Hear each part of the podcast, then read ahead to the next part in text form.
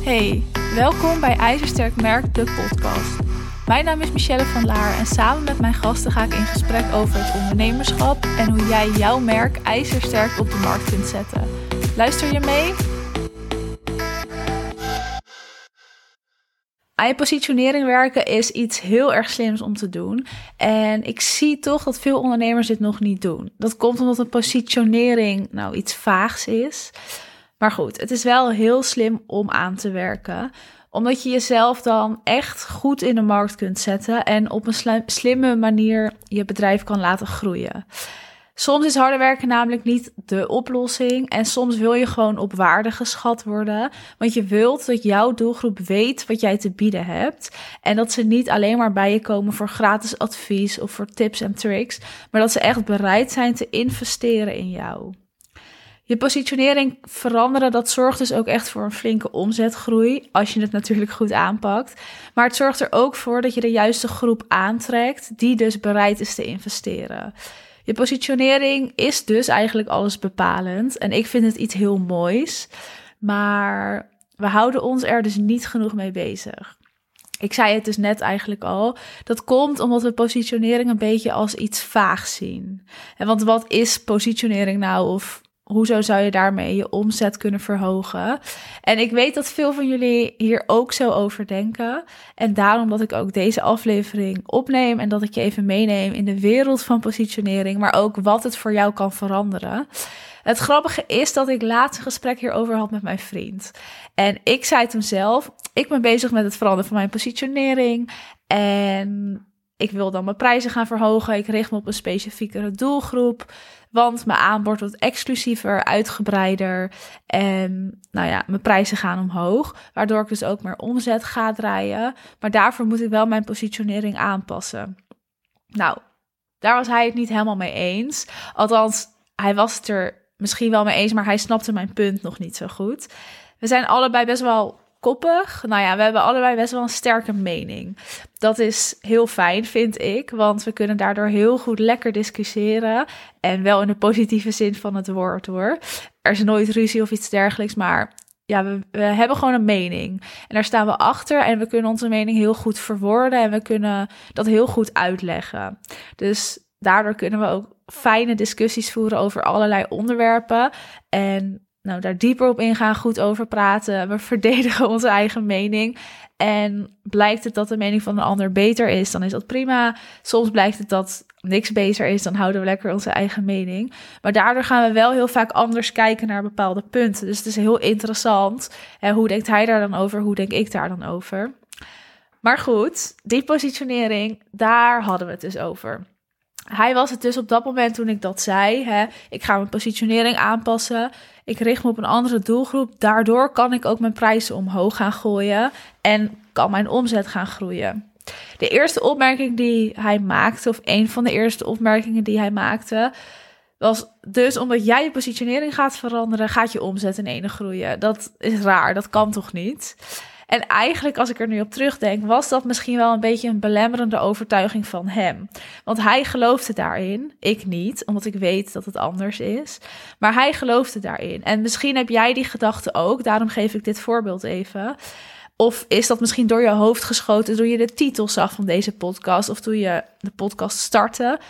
En als dat zo is, luister dan vooral deze aflevering even af. Want het is een belemmerende overtuiging die je uit je hoofd kan zetten. Die je uit je hoofd moet zetten zodat het voor jou ook werkelijkheid kan worden.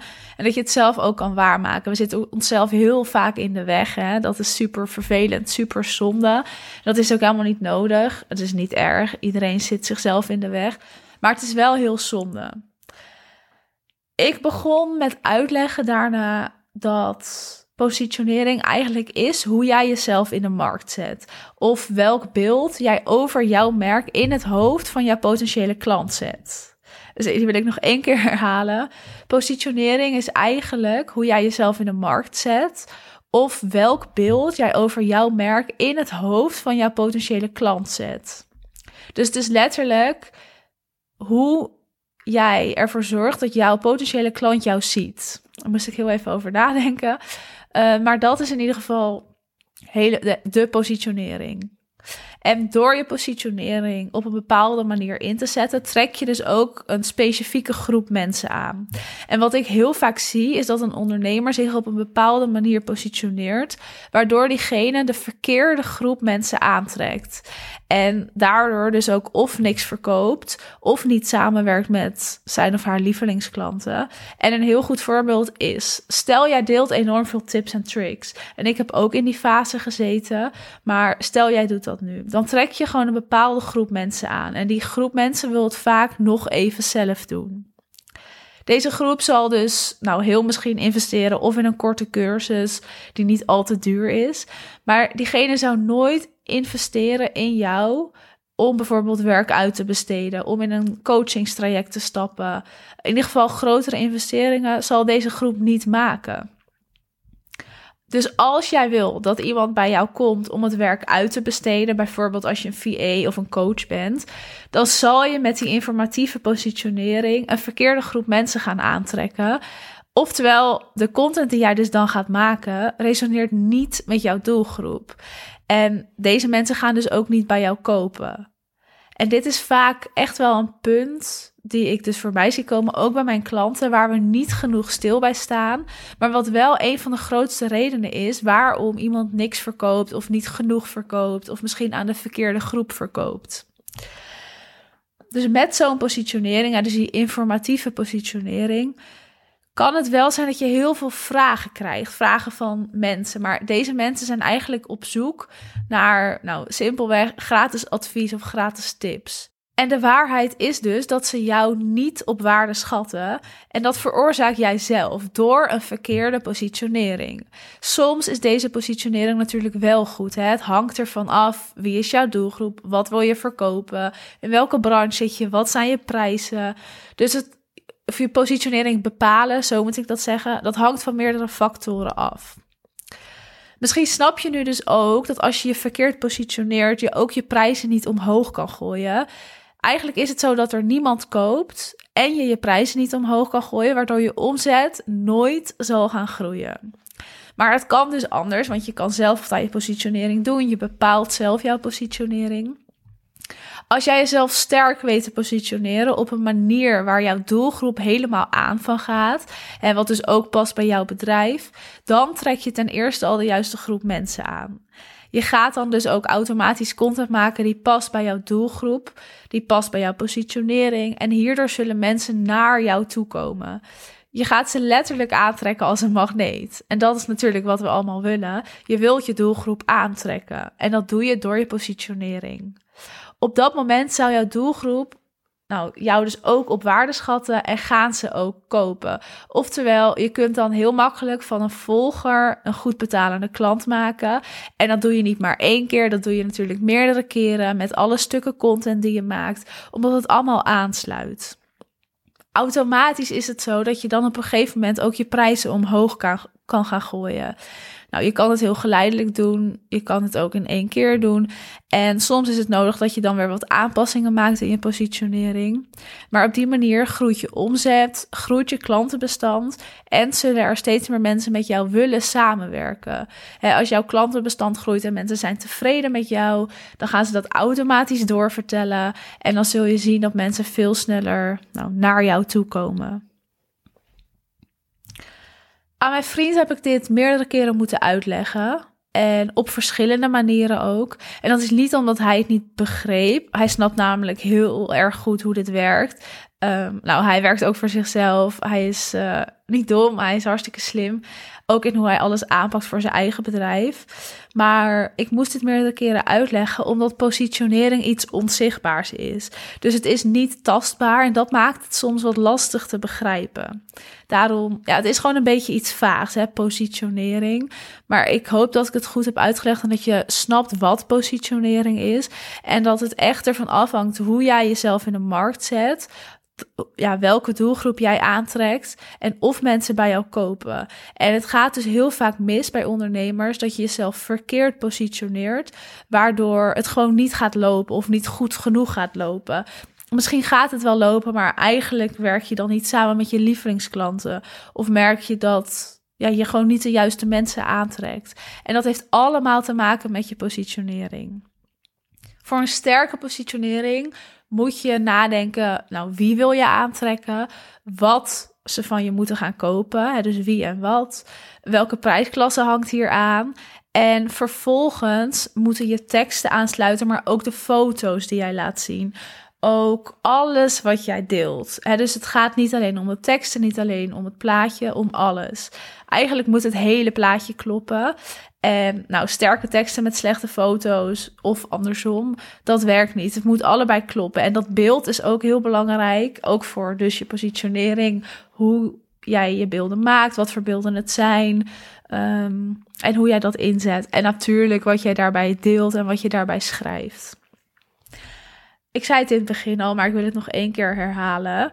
Aan je positionering werken is iets heel erg slims om te doen. En je kunt jezelf dan goed in de markt zetten en op een slimme manier je bedrijf laten groeien. Ik ben van mening dat harder werken niet altijd de oplossing is. Tuurlijk, je zal soms hard moeten werken om iets te bereiken, maar dat is echt niet altijd de oplossing. Je hoeft niet altijd harder te werken om succesvoller te worden. En je wil op waarde geschat worden. Want als jij niet op waarde geschat wordt door jouw doelgroep, dan komen er heel veel mensen bij je voor gratis tips of gratis advies. Dat lijkt heel fijn, want dan denk je: oh, deze mensen vinden mij allemaal. Maar die mensen gaan nooit bij jou kopen. Ze zijn niet bereid om in jou te investeren, waardoor je de verkeerde groep aantrekt, waardoor je niks gaat verkopen, waardoor je omzet niet groeit, waardoor je bedrijf niet groeit. Dat is de zonde en het licht, als dat nu het geval is, aan je positionering. In mijn groepsprogramma's of in mijn programma's überhaupt gaan we samen ook echt kijken naar jouw positionering. En het volgende programma start al op 15 november. Dat is heel snel. En er is ook beperkt plek natuurlijk. We gaan dan samen met een groep vrouwen twee maanden aan de slag om ons bedrijf te laten groeien in nou, klanten, omzet, rust, maar ook in vrijheid. En we gaan kijken wat echt bij jou past. Want waar de een misschien nou, vijf dagen per week wil werken, wil de ander maar twee of drie dagen werken. Alles is prima. We gaan kijken wat past bij jou, wat past bij jouw bedrijf. En we gaan dus ook kijken naar je positionering. Wat is er nodig? Kunnen we misschien prijzen omhoog gooien? Moeten we dan wat aanpassen in hoe jij jezelf uit? Hoe word jij op waarde geschat? Hoe trek jij de juiste doelgroep aan en hoe ga jij ook echt verkopen? Dus meer omzet draaien. Wil je hier aan meedoen? Wat me natuurlijk enorm leuk lijkt. Of twijfel je even, laat me dan even weten. Want dan kunnen we hier gewoon over kletsen. Maar je kan er ook voor kiezen om je even aan te melden voor de gratis masterclass. Die geef ik op 9 en 10 november. En de masterclass heet de 5 must-do's om van volgers goed betalende klanten te maken. Daarin vertel ik ook weer wat over positionering. En dan krijg je gewoon een klein voorproefje. Um, nou, van en natuurlijk wat we in het programma gaan behandelen, maar ook gewoon wat handvaten om zelf aan de slag te gaan. Lijkt me enorm leuk als je daarbij bent en aanmelden kan via Instagram of via mijn website natuurlijk. En mocht je dus meer informatie willen over het groepsprogramma, kijk dan even op mijn website. Daar staat een kopje groepsprogramma. Dan kun je even kijken wat het inhoudt, wat we ongeveer gaan doen. En weet dat er ook één op één tijd is en dat we echt gaan kijken naar jouw bedrijf. Mocht je daar uh, even over willen kletsen, laat het me dan weten. En dan hoop ik je natuurlijk snel te spreken of te zien bij de masterclass. Je hebt deze aflevering helemaal afgeluisterd. Vond jij deze aflevering ook te gek? Vergeet dan niet te abonneren op de podcast en laat vooral even weten dat je geluisterd hebt. Tot de volgende keer.